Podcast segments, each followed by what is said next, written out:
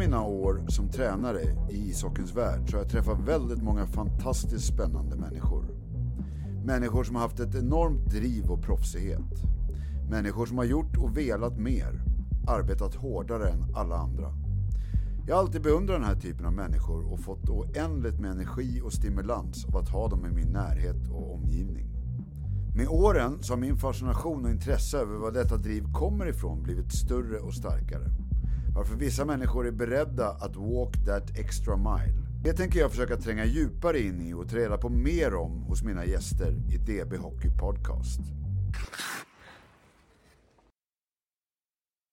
2004 blev han världsmästare vid amatör-VM i thaiboxning. Att som svensk bli världsmästare i thaiboxning och dessutom bli det i Thailand är så galet stort att de flesta nog inte riktigt förstår. Några år senare, 2009, blev han även världsmästare för proffs, den här gången i Stockholm.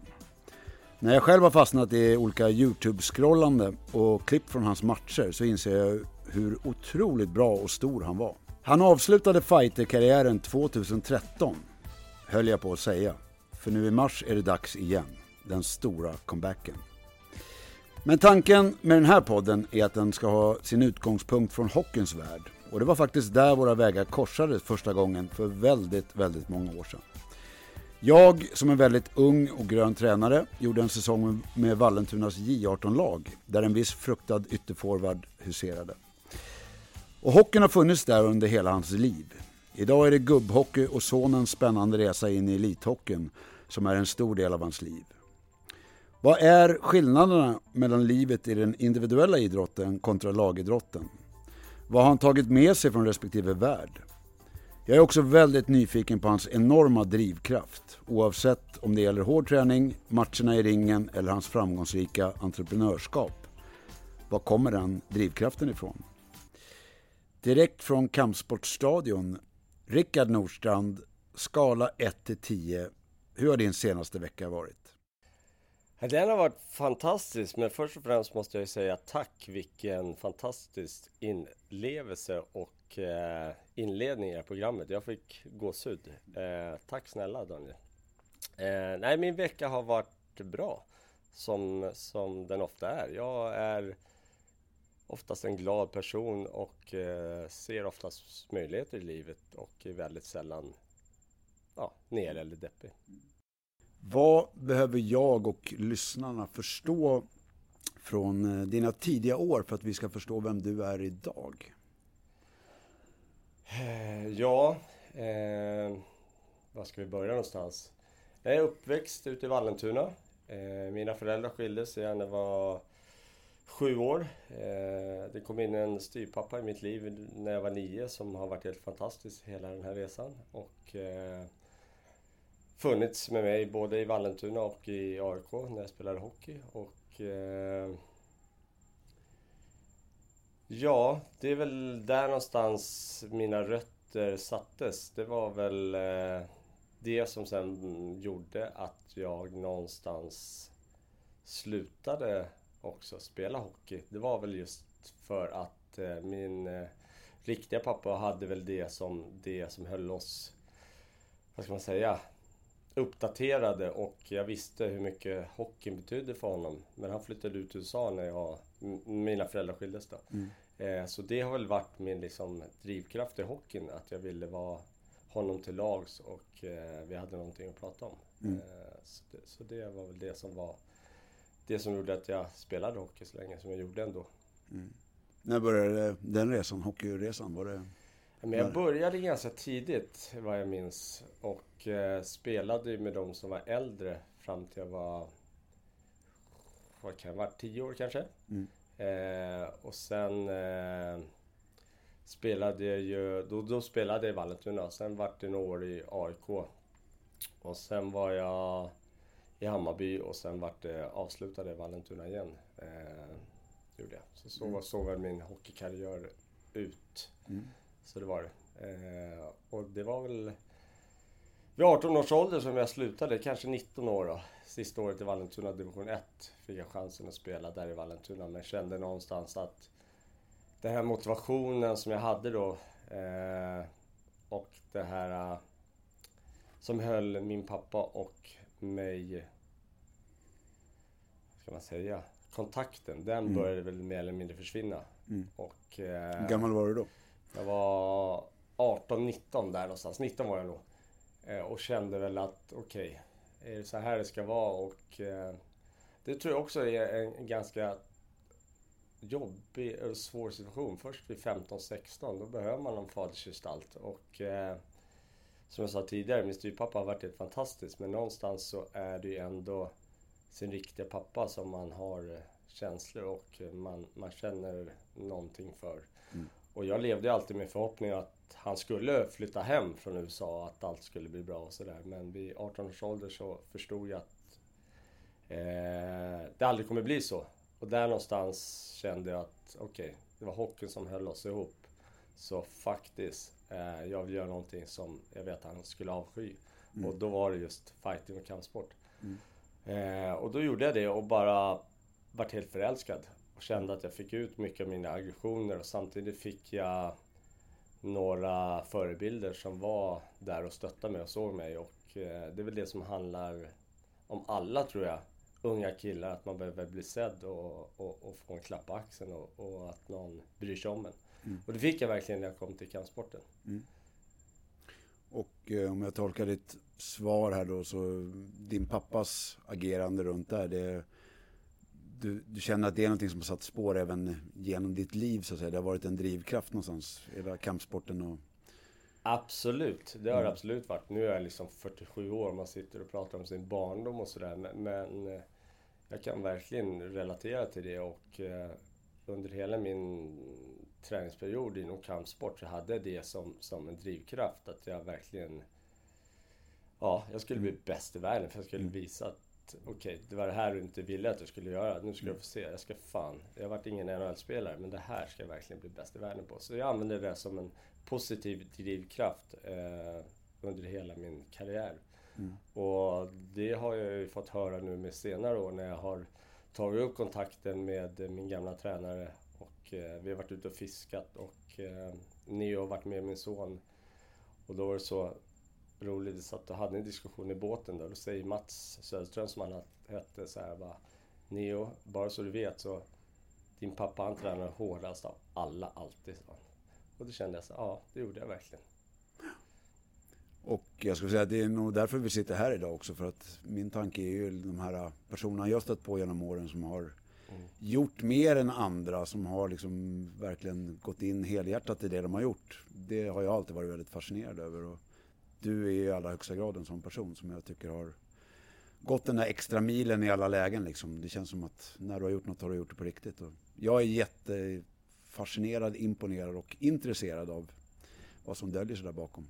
Ja, Och jag, jag tänkte vi Mm. kommer gå tillbaka till de här frågeställningarna. Yes. Och, eh, men någonstans, jag, nu lägger jag ord i mun på dig, Mm. men eh, ta mig tillbaka till den här VM-titeldagen eh, i Thailand 2004. Som jag kan tänka mig kanske är en av de största händelserna under din karriär. Eh, jag har i alla fall fått den uppfattningen. Och vad, vad är det som händer halvtimmen, timmen innan du ska gå upp i ringen där? Vad finns det för känslor? Vad är det liksom för tankar? Har du några minnen från just det här eh, innan du ska gå upp i det sammanhanget? Ja, men det har jag ju. Eh, nu tog det ju mig tio år innan jag tackade nej, eller tackade ja till att åka till Thailand. Jag hade ju... Fem år tidigare så vann jag mitt första v, eller SM och hade, fick chansen att åka, men jag kände mig inte redo. Så det tog mig fem SM innan jag verkligen kände så här, ja nu är jag redo. Och när jag kände det, åkte ner dit, så, så um, kände jag att nu, nu är jag så pass duktig så nu kan jag verkligen vinna det. Jag vill inte åka ner och bara liksom ta en pallplats eller bara vara med. Det fanns inte för mig. Utan åker jag ner då vill jag vinna. Och det var en ganska stor grej att vara i Thailand. Deras, nationalsport och på finalen var kungen där. Det var ju väldigt så här upphaussat. Och då som, som amatör som jag var på den tiden så hade man ju inte gått några större matcher än på Solnahallen kanske var den största matchen jag hade gått och var där ja, 1500 personer tittade kanske. Och nu var det tv-sänt och, och väldigt upphaussat. Så självklart så, så var man nervös eh, samtidigt som man tyckte det var en rolig resa. och eh, ja, desto längre turneringen gick, man är ju där en vecka, så har man ju match varannan dag. Eh, och man får ju små skador och eh, man får ont och självförtroendet sätts på spel varje dag. För varje dag är en ny invägning som du måste hålla din vikt av. Och sen är det någon ny motståndare som kanske då har haft två lätta matcher, du kanske har haft två tunga, så har du det. Och det är väldigt mycket mentalt som, som spelar ett spratt som du verkligen måste hålla, hålla i schakt. Och eh, jag skulle säga det att min sista match, det var mot en eh, vitryss.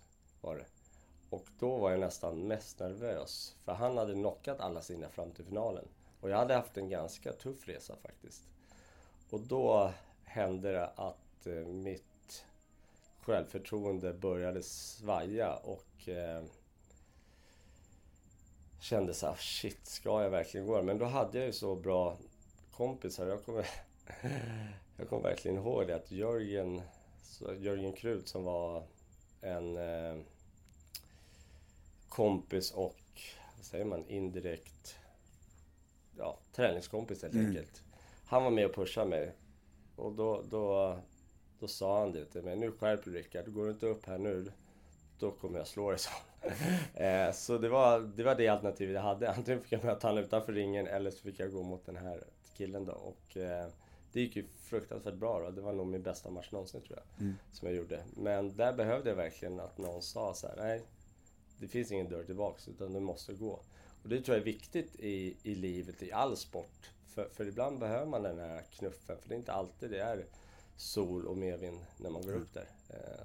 Och den nervositeten som du beskriver, det är, det är någonting som också kan skapa en jäkla energi och liksom, just om man tar sig över tröskeln. Det är, det är, lätt att backa när du blir nervös och tycker det är lite läskigt, men det kan också skapa en jäkla energi att man tar sig an de här tuffa, svåra uppgifterna kan jag tänka mig. Jag tror personligen att det är ett måste om man är nervös. För då kopplar du på alla sinnen till 100%. Och sen handlar det om att behålla nervositeten till något positivt så det inte blir en rädsla. Mm. Och det är det ju mm. svåra. Det är jättelätt att sitta här och säga men det är jätte, jättesvårt. Mm. Eh, och jag var faktiskt med om det en gång eh, när jag inte alls lyckades mentalt. Jag kände redan när jag gick in den här matchen att fan, jag kommer inte igång. Det här kommer inte gå. Och eh, resultatet var ju därefter också. Att mm. jag, jag, jag, var inte med, utan han sparkade mig, jag sparkade på honom. Han slog på mig, jag slog på honom. Och det är liksom så här, Det är konstigt att det kan bli sådär. Mm. Men, men det är väldigt, väldigt mentalt. Mm. Eh, och så tror jag att det är väldigt många idrotter, om man då pratar din hockeypodd, om man kollar på alla där borta i NHL och man har det som ett liksom, dit man vill så tror jag alla kan åka skridskor, alla kan spela pucken bra, alla kan skjuta. Jag tror individuellt är alla ganska lika. Men vad är det som gör att de bästa alltid är bäst? Eh, och jag tror att de har ett jävla självförtroende och en jävla mm. disciplin bara. Mm. Det kommer inte in några negativa tankar i deras hjärna. Mm. Det tror jag är stora skillnaden. När du tittar dig själv i spegeln på morgon, eh, jag såg att du gjorde ett inlägg på Instagram här för, för en tid sedan med en liten katt som sitter och kollar på och ser ett lejon i spegeln. Eh, vad, är, vad är det du ser hos dig själv? Vad är det för egenskaper som har gjort att du har haft en jäkligt imponerande karriär och eh, lite det du beskriver nu med drivkrafter och liksom framåtlutad, våga göra saker. Vad är, det, vad är det som finns där inne hos dig? Nej, men, först och främst så, så, så, nu med vetskapen så gjorde jag ju en, en eh, ADHD-utredning för tre år sedan och eh, fick det bekräftat att jag har ADHD. Så det har väl också varit med och varit en jäkla drivkraft under alla mina år. Eh, men det visste jag inte under den här tiden vad det var utan det var ju bara att jag hade väldigt mycket energi. Och gör man något bra av det där så är det en superkraft. Jag har aldrig sett någonting som omöjligt. Jag har nästan gått igång på att folk säger att det där går inte. Eh, och så har nog hela mitt liv varit i allt jag gör. Eh, att jag vill verkligen göra något så gör jag det. Mm. Eh, och det spelar ingen roll om det är att göra film eller bygga ett hus eller bli bäst i boxning. Så, så då, då, vill jag göra det och då går jag all in. Jag lämnar inte något åt marginalen. Mm. Jag minns en händelse här från Kampsportstadion för några år sedan när du och jag stod nere i träningslokalen här och så var det en väldigt storvuxen kille som stod vid ringen och 110 kilo tung och 205 lång eller något liknande. Såg helt livsfarlig ut och jag kände shit pommes frites, han skulle kunna vara med i vilken gangsterfilm som helst. Och så frågade jag dig, skulle du ta honom i ringen? Eh, och du sa inom 10 sekunder skulle han ligga ner. Och jag bara kände någonstans att ett sånt enorm, en sån enorm tro på dig själv och just den här uh, modet eller vad ska jag säga. Vad, kommer det från att, du, att det är någon skruvlös eller att du känner dig väldigt, väldigt trygg i din liksom, profession? Att du är, alla dessa timmars träning har gett dig det här självförtroendet? Exakt de sista orden.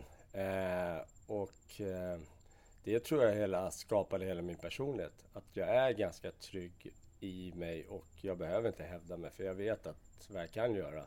Och, eh, och det tror jag också eller tror, det är ju, desto mer du tränar någonting, desto mer bekväm med det, så vet du också vad du kan skapa. Eh, och det tror jag man kan liksom plussa ihop med alla andra idrotter också. Mm. Är du mm. riktigt bekväm med något så vet du det att eh, ja, skulle jag och Crosby stå och skjuta puckar så skulle han säga nej, du har inte en chans. Eh, för han kommer vara så överlägsen. Mm. Och, och, det var väl lite så med boxningen att jag efter min amatörkarriär så fick jag ett proffskontrakt och på den tiden var det inga viktklasser. Så jag fick ju boxas mot de som var 10 20 kilo tyngre och 20 cm längre. Och jag visste att har inte de slagit ner mig, som är de bästa, bästa i världen, så är ingen annan heller som kommer göra det. Och få med sig det inför varje match då bygger det ett jäkla självförtroende. Mm. Och då helt plötsligt då kan jag liksom slappna av på annat sätt och fokusera på det som jag egentligen ska göra. Och eh, det är att slå ner den personen framför mig. Mm. Men jag, jag, upplever att du har ju ett starkt självförtroende även inom andra områden i livet, inte bara boxningen. Tror du att det som boxningen och kampsporten har skapat hos dig är att det är någonting som du kan luta dig mot även i andra sammanhang i livet? Liksom. Det har blivit en identitet som du känner att du kan luta dig mot så att säga. Så att det inte bara är inne i ringen och i träningslokalen utan det är i andra sammanhang också att du har fått en stark identitet. Jo, absolut. Och, och det tror jag också... Eh, nej men så är det. Det har man ju fått och det tror jag man har med sig i, i allt. Om du är liksom om, om du blir tillräckligt duktig i något, om det är eh, något företag eller det är idrott eller vad det är, så tror jag ändå att du, du blir ganska trygg i dig själv och det genererar då att du inte ser så mycket svårigheter i vardagen. Alltså, sen kan det ju vara glimten i ögat, men skulle jag säga att ja, vilken tävling den är så, så går jag in med att jag tror att jag ska vinna. Och sen om det blir så eller inte, det, det får vi se. Men, men eh, jag har i alla fall den mentaliteten att det här, det här ska gå. Eh, mm. när det gäller. Och så har jag också... Jag har fått vara med i en del sådana där uh, stjärnstafetter när man ska rida på, på Friends. Då är det en känd person och så är det en duktig ryttare. Och det var också så här, nej, ska jag vara med så ska jag vinna. Och, och det vann jag också. Så alla sådana här tävlingar är med. Jag är liksom jag lämnar inte något åt slumpen utan jag, jag vill mm. vara, vara bäst.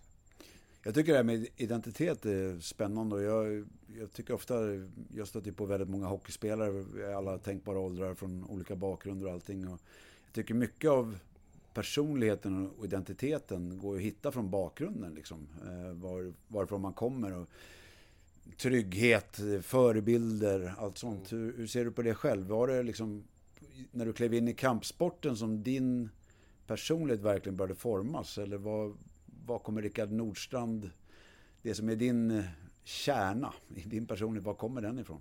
Äh, men, det här då, självförtroendet och tron på sig själv i de olika sammanhangen. Ja, men det kom faktiskt från kampsporten. För innan så, så jag var väl som alla unga grabbar, jag ville ju bli en NHL-kille.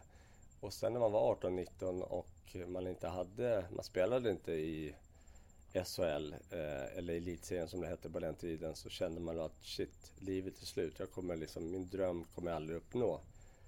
Och eh, då började jag om och bara få träna någonting, en individuell, individuell idrott eh, som, som eh, kampsporten var. Då kan jag ju träna hur mycket jag vill och träna just på det som jag verkligen behövde. Mm.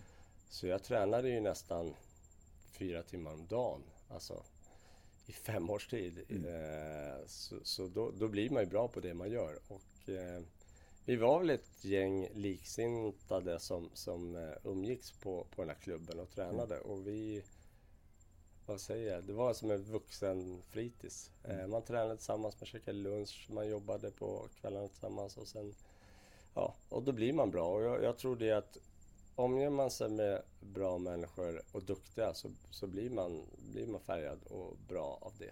Mm. Vad, vad var det som gjorde att den dörren öppnades? Vi var inne lite grann på det, att du lämnade hockeyn och började med kampsport. Men vad var det som gjorde att du tog det steget? Egentligen var det som, vi fick testa på det som en sommarträning. Eh, och då kände, inom hockeyn alltså? Ja, inom mm. hockeyn, exakt. Mm. Ute i Vallentuna fick vi testa på det och bara kände så här, wow det här är någonting som jag brinner för. Det här vill jag verkligen, verkligen göra. Och det har väl någonstans legat som en liten brasa under mattan eh, under hela min ungdomsuppväxt. Det här har liksom legat och, och pyrt. Och när jag fick ut det där och liksom det kom luft i det där, då bara exploderade och jag bara kände så här, shit, äntligen har jag hittat någonting som jag brinner för.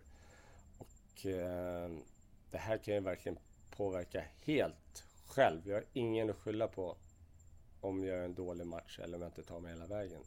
I, i en lagsport kan du skylla på lagkompisar, du kan hitta allt möjligt. Men, men här kan du inte gömma det under, äh, under någon annan eller skylla på en felpass eller vad det blir. Mm. Eh, och det tyckte jag var fantastiskt eh, bra, roligt. Yes. Vad jag upplever att det var en väldigt speciell miljö som du beskriver där i den kampsportssammanhanget du kom i Vallentuna där. Vad är det som har varit din drivkraft så att säga genom åren inom kampsporten? Vad, vad är det liksom du har siktat mot? Är det just själva träningen, utmaningen, den miljön att sparra varann, liksom sporra varann? Eller vad är det du har sett, liksom, vad är det du har sett framför dig? Men jag tror alla som, som, som ändå gör, spelar hockey upp till man är 18, 19 där år har en ganska bra fysik. Och, eh, och då är ju mer eller mindre träningen en del av din liv, eller din vardag. Och då kan man liksom så här, man mår bra av att träna.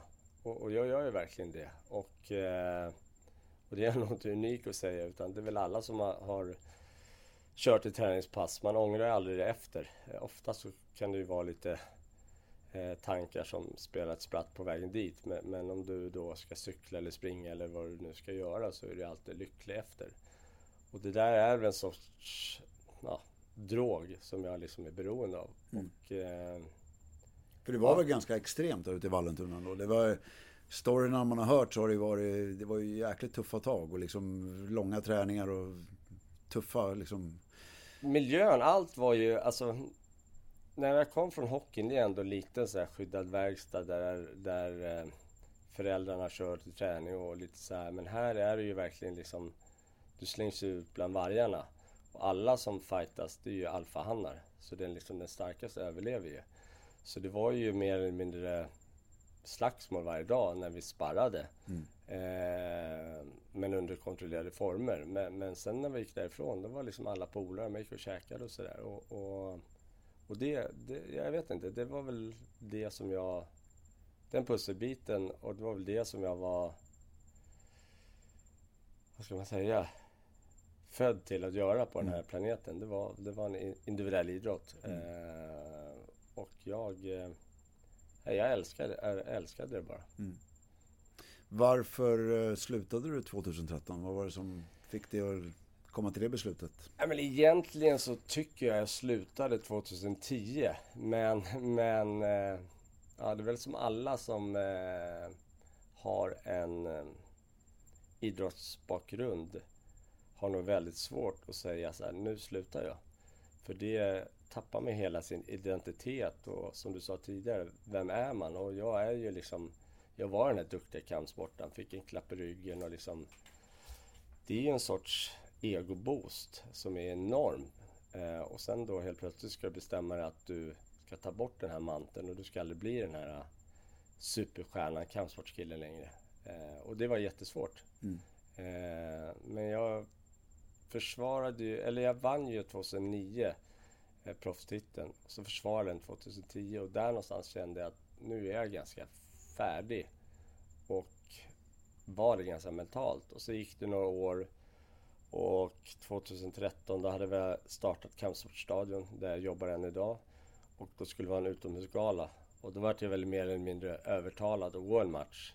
Men eh, mentalt så var jag nog redan färdig. Mm. Eh, så, och gjorde det mer för att liksom, det var ett välgörande, välgörande mm. Mm. Eh, så. Eh, och då får jag väl nästa fråga. Varför går match igen? ja, jag tänkte dels tänkte jag spinna vidare lite på det här med identitet. För jag tror att det är någonting som, jag tror att idrotten är väldigt bra. Mm. Eh, det är en ganska rörig, rörig tid vi lever i med mycket utmaningar för unga människor. Och att ha möjligheten att skapa en identitet inom idrottens väggar, det tror jag är jätteviktigt och bra. Men det mm. finns ju också en fara som du säger att är jag en hockeyspelare identitet mm. eller en eh, thaibox identitet och sen försvinner det. Vem är jag då? Eh, men i grund och botten tror jag att det är bättre att ha någonting att luta sig mot än att man är helt lost och inte riktigt vet vem jag är och liksom vad är jag bra på och så vidare. Så jag tror ja. i grund och botten det du beskriver är ju liksom att det blir ju ett vakuum kanske när man slutar men ja. du har ändå byggt upp en tro på dig själv. Du vet att du liksom klarar av jäkligt tuffa utmaningar och så. Så är det, men nu ska inte jag sitta och slå mig här på bröstet för jag tog ju faktiskt hjälp. Jag gick och pratade. Jag vågade mm. säga så här, shit, fan jag börjar tappa fotfästet. Vem mm. är jag? Vad ska jag mm. göra? Så jag gick ju faktiskt och eh, tog hjälp och pratade med, mm. med psykolog efter min karriär. För att komma på banan igen och se, vad är nästa mål i livet? Mm. Alltså vad ska jag göra? När är nästa träning? Behöver jag mm. träna? Nej, varför ska jag träna? Jag har ingen match. Eh, så, så det tror jag är jävligt viktigt också. Och det, och det har väl också med kampsporten att göra. Att man man är bekväm med sig själv och man vågar sträcka ut handen och säga Fan, jag behöver hjälp. Mm. Eh, och det hade jag nog aldrig gjort eh, om jag inte hade haft en sån, vad ska man säga, bra, självförtroende kanske är fel, men, men liksom trygg i mig mm. själv så hade jag nog aldrig vågat ropa på hjälp tror jag inte. Nej. Eh. Nej, för det har vi nog alla sett idrottsmän som slutar och att det blir väldigt tomt. Många hamnar ju på fel fel bana liksom efter det. För man vet inte vilken väg man ska gå. För det, allting har varit liksom uppstyrt från idrotten. Och mycket ja. har varit tillrättalagt. Liksom man har haft ja. support runt omkring. Och så plötsligt försvinner både spotlight och ja. den här supporten. Så det kan bli lite förvirrat. Ja, men så är det. Och, och sen tycker jag det, det, det, det alla mår dåligt. Alla alla behöver någon gång i livet gå och prata med någon och, och, och, och, jag tycker man ska inte vara rädd för det. Jag ångrar absolut inte det utan fått väldigt mycket verktyg som jag har med mig i vardagen och eh, försöker liksom se livet väldigt positivt och mm. ha med mig det hela tiden. Och eh, jag, jag är glad att jag tog det beslutet mm. faktiskt.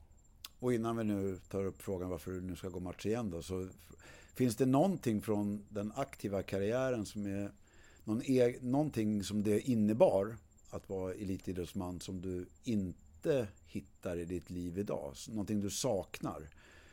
Eh, något hålrum i äh, vardagen?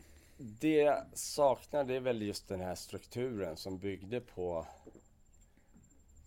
att man är lite egocentrisk och man är lite fyrkantig. Utan det, det är liksom det är vakna klockan åtta, det är löpning, det är lunch, det är vila, det är träning. Och så såg det ut i flera år. Eh, och hade du då tid för något annat, då kunde du göra det. Men du anpassade dig inte och tog bort träning för att du skulle att någon fyllde år eller något sådär. Utan det var liksom min träning och mitt. Och sen är det någon tid över, då kan jag göra det andra.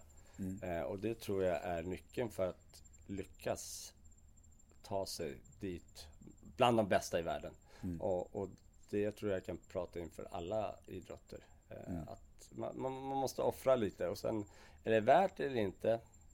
Jag tyckte det var värt det. Jag mm. hade en fantastiskt fantastiskt rolig karriär och man kanske inte gläds av den mitt under men efter när man tittar tillbaks och ser vad man har gjort så kan man känna sig jävligt stolt. Eh, och det kommer ju alltid finnas kvar. Mm. Så det kommer jag göra. Så varför ska du då gå matchen nu igen då? eh, ja, det kom väl upp... Jag var och kollade på en sån här MMA-gala för över ett år sedan och eh, stoppade in näsan i en intervju där det satt en kille som, som eh, bekant som har slutat eh, med MMA. Och då fick jag för mig att varför går inte vi i match? Jag kan utmana dig i MMA. Och tyckte det var supersmart. Och eh, uppenbarligen så fanns det här eh, dokumenterat på, på Viasat och flera såg det. Och eh, där är vi. Så nu har jag fått stå mitt kast och göra det här.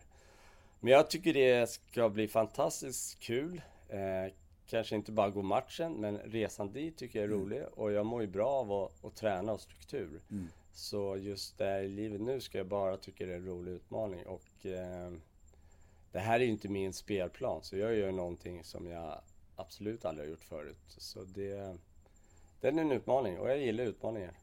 Så får vi se hur det går. Övertygad om att du kommer vara väl förberedd och krossa honom.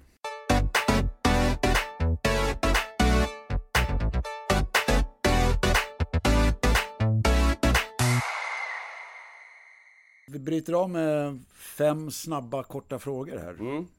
Eh, thaiboxning eller hockey? Oh, måste man välja? Ja. Jag vart ju betydligt bättre i thaiboxning så får vi ta det då, fast det tar emot att säga. AIK, Djurgården eller Hammarby? Nu har jag nog fallit tillbaks till att bli aik eftersom att sonen ska gå där på hockeygymnasium. Så nu, nu är jag tillbaks till gult och svart. Tydligt. Eh, ett stenhårt slagskott i krysset eller en hård krok i njuren? Kan man få göra båda? du, är, som, du är bra på båda. ungefär som, som min hockeykarriär såg ut. Det var ett slagsmål och så ett mål. Var det ute och duscha? Nej. Nej, men det, vi säger båda på den. Ja. Sorin Beach i ja. Phuket mm. eller Stockholms skärgård? Nej, Stockholms skärgård är ju liksom, när det är en fin sommardag, då det är det vackraste som finns i hela världen, så är det. Mm. Vilka är de mest galna? Är det hockeyfarsorna eller hockeymorsorna? Jag tror faktiskt det är farsorna. I alla fall på det som jag, jag har hört på läktaren och vad jag sett. För jag tänkte vi skulle gå in lite mer på hockey nu eftersom du både spelar själv och du har en son mm. då som är i allra högsta grad väldigt aktiv och på väg in i elithockeyn och så vidare. Eh, vad är det du ser när du är runt i hallarna? Vad, liksom, hur mår ungdomshockeyn? Vad, liksom, vad, är, vad är vi bra på inom ungdomshockeyn? Vad, vad kan vi lära från din värld om vi nu tänker kampsporten? Om man, om man ser det som, som inte är på isen så tror jag att jag skulle vilja ha lite mer kanske disciplin. Eh, kanske mer samtal med, med kidsen om vi pratar barn mm. eh, eller ungdomar individuella samtal. Jag tycker mer individuell träning också. Det är lätt att ett lag, alla ska springa 5 gånger 400 alla ska köra knäböj, men alla kanske inte behöver det. En del kanske behöver mer kondition än andra mm. i laget. Eh, och så förstår jag att det kanske inte finns de resurserna i alla klubbar, men, men det är väl det som jag skulle eftersträva mer. Mm. Mer individuell inpassad träning för dem i hockeyn. Mm. Du har sagt ordet disciplin några gånger nu när vi har suttit här och pratat. Vad, vad är det för dig? Om du går till dig själv, vad, liksom, vad är disciplin för något? Det är att komma, för mig, det komma förberedd till minsta... Liksom, det ska inte finnas någonting som kan påverka att du inte kan leverera 100%. Eh, och då kan bara relatera till att men jag ska ha tränat så bra som jag kan. Jag ska ha sovit bra, jag ska kunna ätit bra, jag ska ha packat min väska innan, jag ska vara i god tid innan matchen. Eh, jag ska hänga upp mina saker på, på min plats. Jag vill oftast eget omklädningsrum. Och jag har mina rutiner som jag gör. Eh, och det tror jag är viktigt. Var kommer det ifrån då? Vad, vad är det som skapar en bra disciplin kontra en dålig disciplin? Vad, vad är det som styr det? Tror jag tror att det är lättare när det är en individuell idrott. För då har du själv bara att anpassa. I ett omklädningsrum med hockeygrabbar, då kanske vill ha disciplin, men då kanske det är tjo och kim runt omkring och det är svårt att liksom fokusera. Och eh, det är väl den stora skillnaden när jag gick match i kampsport eller när jag gick i hockey. Hockeyn kunde man ju sitta uppe dagen innan och, och eller spela tv-spel eller vara ute eller något sånt där och ändå göra en bra match. För jag har fyra andra spelare som, som kan göra mig bra. Eh, och det skulle jag vilja få bort i hockeyn. Mm. Att man kommer till sin match och tänker så här, shit, jag ska inte förlora en enda närkamp. Jag ska göra det bästa varje 45 sekunder jag är inne. Inte bara så här, ja, vi möter dem här och liksom. Jag tycker att det kan vara lite att folk inte är tar sina 45 sekunder på, på blodigt allvar. Mm. Eh, det kan jag sakna lite. Och det var egentligen min nästa fråga också. Vi, för mig är liksom kampsport det är den ultimata en mot en psykologin. Mm. Liksom, det, det, är så tydligt. Mm. Det är du och jag som står där. En av oss kommer vinna. Ja. Eh, och jag kan ju känna, precis som du är inne på inom lagidrotten, lätt att gömma sig i gruppen. Gruppen kan ändå prestera bra. Jag kan slarva eller ha. Bristfälligt disciplin just som vi ja. pratar om. Och hur ser du på det? Liksom, hur ska vi kunna få ett större individuellt tänk inom ishockeyn utan att tappa det kollektiva, utan att tappa ja. lagtänket liksom? Är det en tunn linje? Att vi ska göra det tillsammans men ändå upp till dig så att säga. Ja, det, precis. Det är väl lite upp till varje individ. Men sen är det väl också ledarna i var, varje lag, tycker jag, ska ta sig mer tid och prata med varje spelare. Det är lätt att man bara, okej okay, nu kör vi is, så kör vi fys, kör vi is, så har vi match. Jag tror de här individuella samtalen tror jag skulle vara jätte, jätteviktiga och att man har dem oftare eh, med spelare. Eh, eller tror, jag, jag, vet att det skulle vara jätte, jätteuppskattat för en spelare. Eh, man kanske har haft tre, fyra dåliga matcher, man har dåligt självförtroende, man kanske inte får spela i första femman eller tredje femman. Att man pratar med ungdomarna tror jag är viktigt som ledare. Mm. Eh, för det för det hade vi verkligen i, i kampsporten. Vi, vi, vi, lyfte ju verkligen upp varandra och, och tränaren var ju verkligen... Man träffade ju tränaren varje dag och han sa ju vad man gjorde bra och dåligt och vad man skulle träna på. Så tränade du på det hela tiden. I hockeyn är det ganska svårt att individinpassa en träning. Mm. Eh, förutom dina pass, de, de, är ju mer så. Men, men en vanlig lagträning, det är ju att folk åker runt och, och gör övningar laginpassat. Mm. Eh, Medan vissa kanske behöver liksom träna mer på att åka baklänges och vissa mm. kanske behöver träna på att göra hårdare passningar. Eh, och, och, det är väl det som, som om man ska jämföra kampsporten med hockeyn så var det ju verkligen att leverera en vänsterkrok och inte helt hundra på att den ska träffa. Då kan jag bli knockad. Mm. Gör jag en dålig pass, mm, någon annan kan ta upp den. Mm. Så jag tycker att man ska swisha om i huvudet och säga så här, vet du vad? Passar inte den här pucken på bladen nu, då blir jag knockad. Och kan man få in det att tänka att varje så moment, sen kommer ju misslyckas. Men jag tycker ändå man ska ha den mentaliteten, lika som jag går in i sarghörnet och ska ta pucken. Då åker jag inte därifrån utan jag har pucken. Mm. Det är så många som viker av och tänker så här, äh, nästa person får ta det. Och det, det där, jag blir tokig när jag ser det. Tyvärr. Och det är ju någonstans hur, hur hittar vi vägarna att lära våra yngre hockeyspelare att det är så det ser ut? För jag tror både du och jag har ju stött på spelare som åkte över till Nordamerika.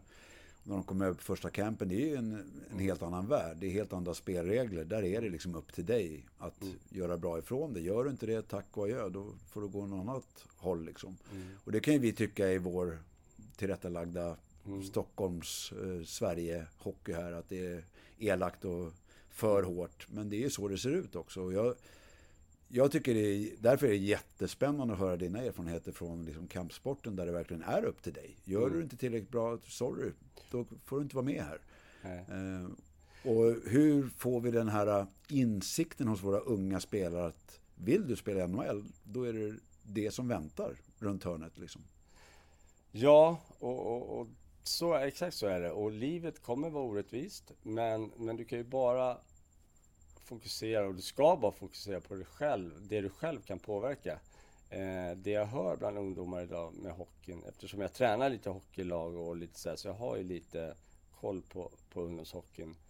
Så är det så mycket att man skyller på faktorer som man inte kan, kan påverka. Och det tror jag att det är en fallgrop som är farlig. Utan försök att se allt positivt. Och det spelar ingen roll om du spelar i första eller tredje eller andra femman. Du gör, när du har dina 45 sekunder, gör dem så bra du kan så kommer det bli bra. Eh, låt inte de här negativa tankarna som du kan påverka eller saker komma in och, och, och liksom beröra dig. För då, är du, då, är du, då har du hamnat fel. Du ska liksom inte fastna.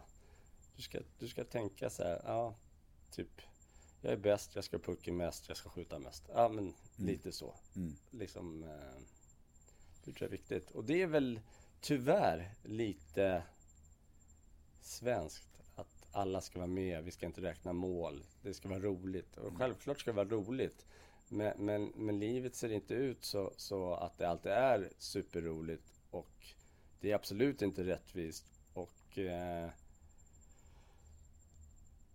du måste slita arslet av det om du ska bli mm. bäst. Exakt, och jag, jag, tror...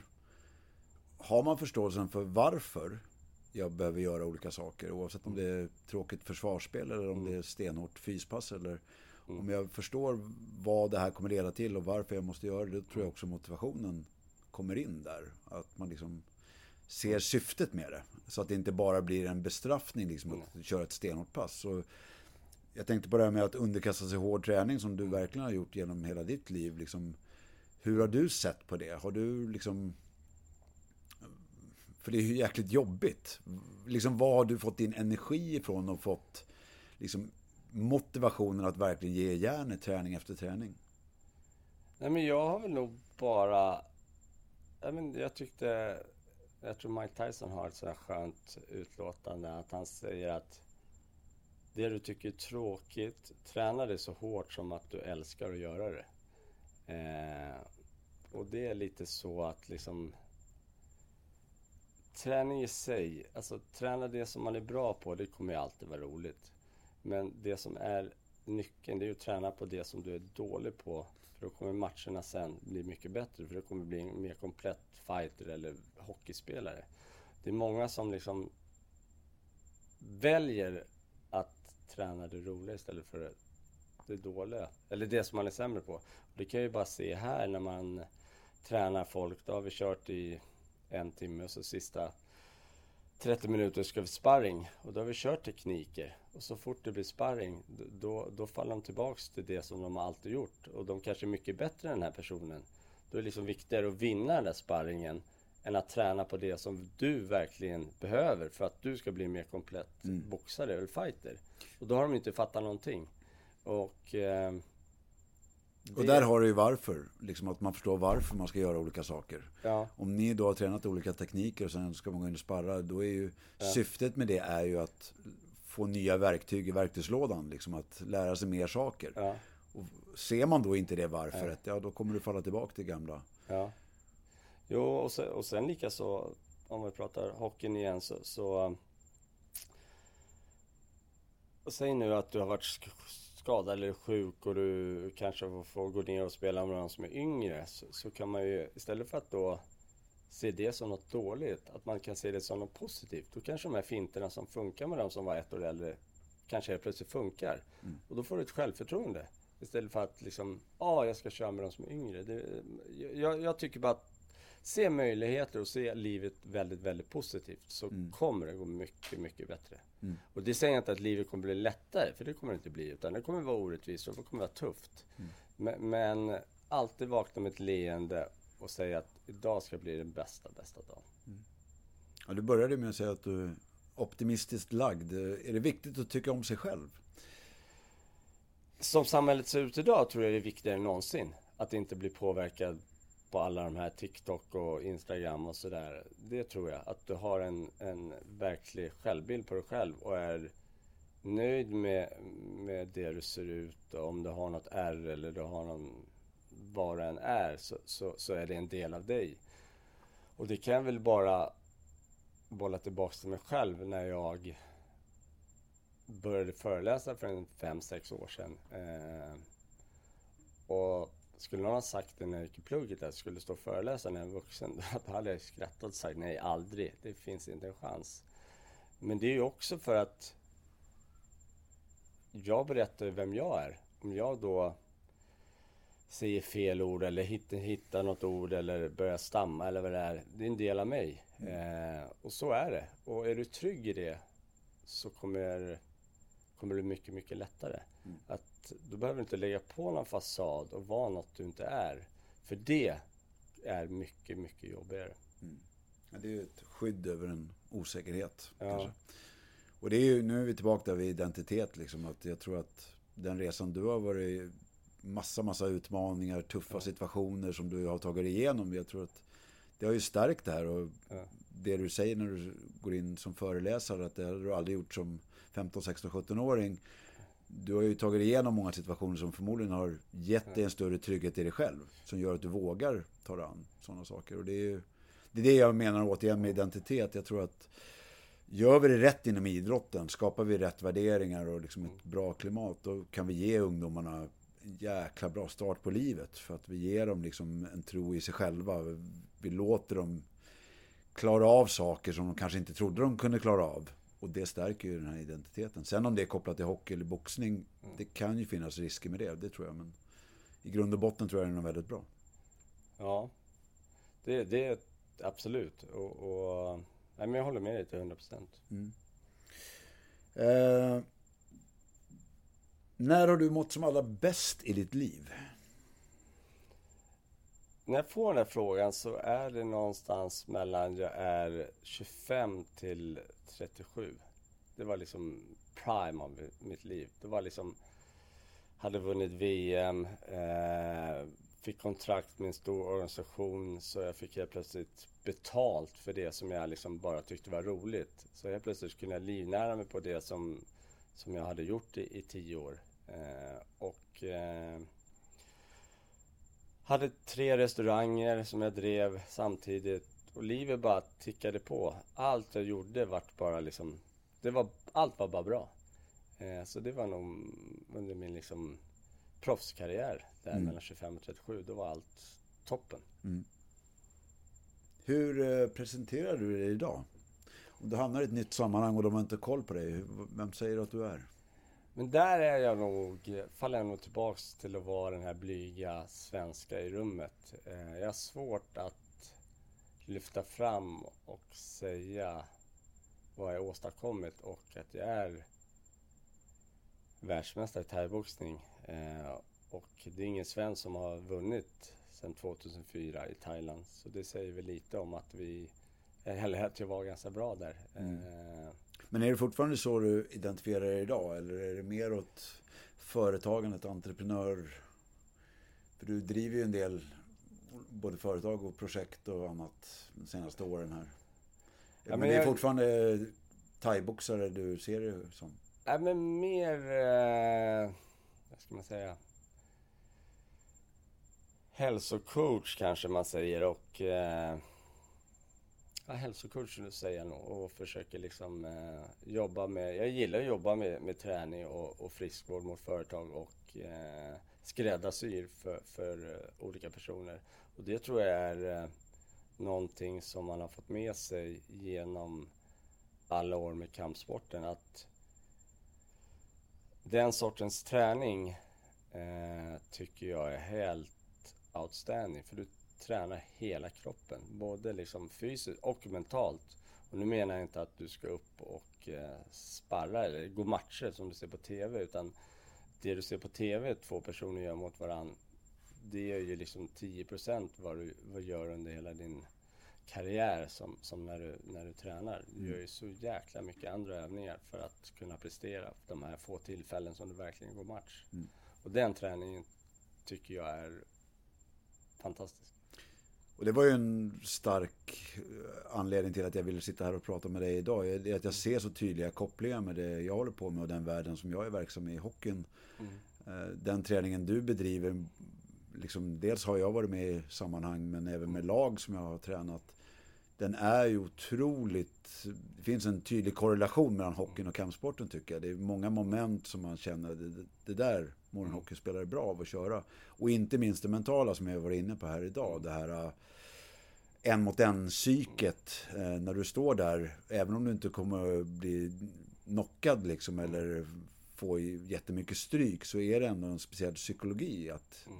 nu är det han och jag eller hon och hon som mm. står där mot varandra. Äh, och jag tror att där har ju hockeyn och många, många andra idrotter jättemycket att hämta från det du lär ut på dina klasser. Ja men så är det ju och precis så om man får in den träningen i hockeyn. Att eh, säg nu att vi kör eh, en parövning du och jag. Eh, så spelar det ingen roll att jag är trött. Tiden är inte slut, det skiter du fullständigt i. Mm. Då måste jag överleva. Eh, och, och, träningen på, på gymmet är ju inte samma. När du är trött då kan du lägga av skivstången så kan du vänta. Men den här sortens träning kan du inte. Och pressa de här gränserna hela tiden, det säger sig själv. Då blir du ju mer och mer vältränad och, och, och, och töjer på det här. Och du, du kommer få ett bättre självförtroende och känna sig, jag var helt slut. Men han fick inte, han fick inte ner mig eller mm. han boxade inte ut mig eller han ströp inte ut mig eller mm. vad nu det är. Så, så då bygger man ju det på det sättet. Att... Och så är det i allra högsta grad i hockeyn också. Kommer du in i ett slutspel långt in i april, maj någon gång i Stanley Cup mm. så är det mycket skador och det är mycket grejer som händer innanför omklädningsrumsdörrarna mm. som man inte har en aning om. Och då gäller det att hitta vägar att pressa sig för att det är de mm. lagen som till slut vinner liksom, som har den här mm. lilla procenten till. Så jag tror liksom den här psykologin som individuell idrott har, men framförallt kanske kampsporten har, där har vi mycket att få in i hockeyn. Liksom. För det är lätt att gömma sig i gruppen, det är lätt att ja, har jag en dålig dag att man gömmer sig liksom. Mm det kan du aldrig göra inom kampsporten. Så att i mycket högre utsträckning få in det tänket, den mentala biten och även den fysiska utmaningen. Där tror jag mm. finns jättemycket vinning. Jo, det är det. Och, och, och sen samtidigt som, som ungdomar är ungdomar. Är man 15 till, till, till 18, man är ju fortfarande inte vuxen. Och jag tror ändå att det är väldigt viktigt att man har bra ledare runt sig som ger en bra feedback och förklarar också så här. Man kan inte bara säga så här, nej men så där kan du inte göra utan okej, okay, du måste också ge alternativ på vad man annars kan göra. Mm. Eh, och det tror jag är också jätteviktigt att man får få fram. Eh, mm. ja, ja. Som eh, proffsboxare hade du väl dagliga jättestora utmaningar. Vad är din största utmaning idag? det du, förutom din comeback, om du tittar ja. på ditt vanliga liv. Har du någonting som får dig att kittla i magen idag? Men grejen är att jag har kommit, det kanske låter lite så tråkigt, men jag har kommit dit i livet där jag är ganska liksom tacksam och glad och känner att jag, jag behöver inte mycket mer än vad jag har. Eh, och det kanske låter tråkigt, men, men, men jag, jag har liksom inga sjukdomar, jag har en fungerande kropp, jag har en son som mår bra. Eh, jag tycker livet är fantastiskt, jag har ett arbete som jag älskar. Eh, och sen vet jag alltid att det kommer alltid roliga saker på vägen. Och eh, det var väl lite därför också så som jag sa ja till den här matchen. Det var kanske att jag inte hade något riktigt, riktigt mål här och nu. Mm. Och eh, jag tycker det ska bli fantastiskt spännande att få testa någonting som jag ändå funderar på i en tio års tid. Eh, och se om, ja, kan man det här eller kan jag inte det här? Eller, ja, så vi får se, se hur det går. Men, men resan dit eh, känns super, super rolig. Du är nog inte ensam om att tycka att det ska bli roligt. Det är mm. många som följer och mm. många som ser fram emot det. Det mm. ska bli skitroligt. Eh, dags att knyta ihop säcken tänkte jag. Någonting som du känner att vi behöver förstärka eller ta upp? Eller någonting jag missat som du vill betona extra? Jag tror bara, har du en dröm, eh, låt ingen påverka negativt och fokusera eh, på att göra varje träning till den bästa träningen. Och jag tycker kvalitet på träning är mycket viktigare än kvalitet, äh, kvantiteten. Så du behöver inte träna så mycket. Det är så många som, som, som liksom tror att tränar jag 10 pass i veckan så blir det bättre än de som kör 5-6. Och det är inte hela sanningen utan är du förberedd och fokuserad och gör de där passen riktigt, riktigt bra så kommer det bli bättre i längden. Och det spelar ingen roll om du står på en skottramp och skjuter 50 puckar och tittar på fjärilar och, och, och, inte fokuserar och inte är där. Så, så skit i det. Gå ner och skjut 20 puckar och tänk att sätter jag inte den här pucken Satan, då får jag inte spela hockey då. Alltså, bara liksom det ska, Man måste mer såhär tävlingsträna tror jag. Mm. Eh, för att bli duktig. Mm. Och tänka att man blir knockad annars. Ja, annars blir du knockad, exakt. Eh, så, så, så, får du tänka. Eh, och glöm inte det viktigaste av allt. Eh, det är ju att ha roligt. Eh, och då, då säger jag att det ska vara i alla fall 70% roligt eh, och så kan det vara 30% de dagar och det är som, som, som det regnar. Eh, men försök att göra de 30% till de bästa, bästa, bästa ändå. Grymt Rickard. Tack ja. snälla för att jag fick låna din tid. Ja. Vi eh, längtar som sagt var till eh, mars nästa år där vi får se dig in action igen. Och eh, tack snälla. Ja. ja, tack själv. Ha det bra. Tack.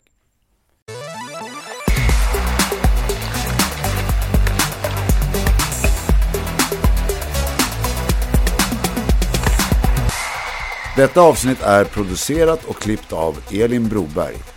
Musiken är gjord av Dennis Karlsson.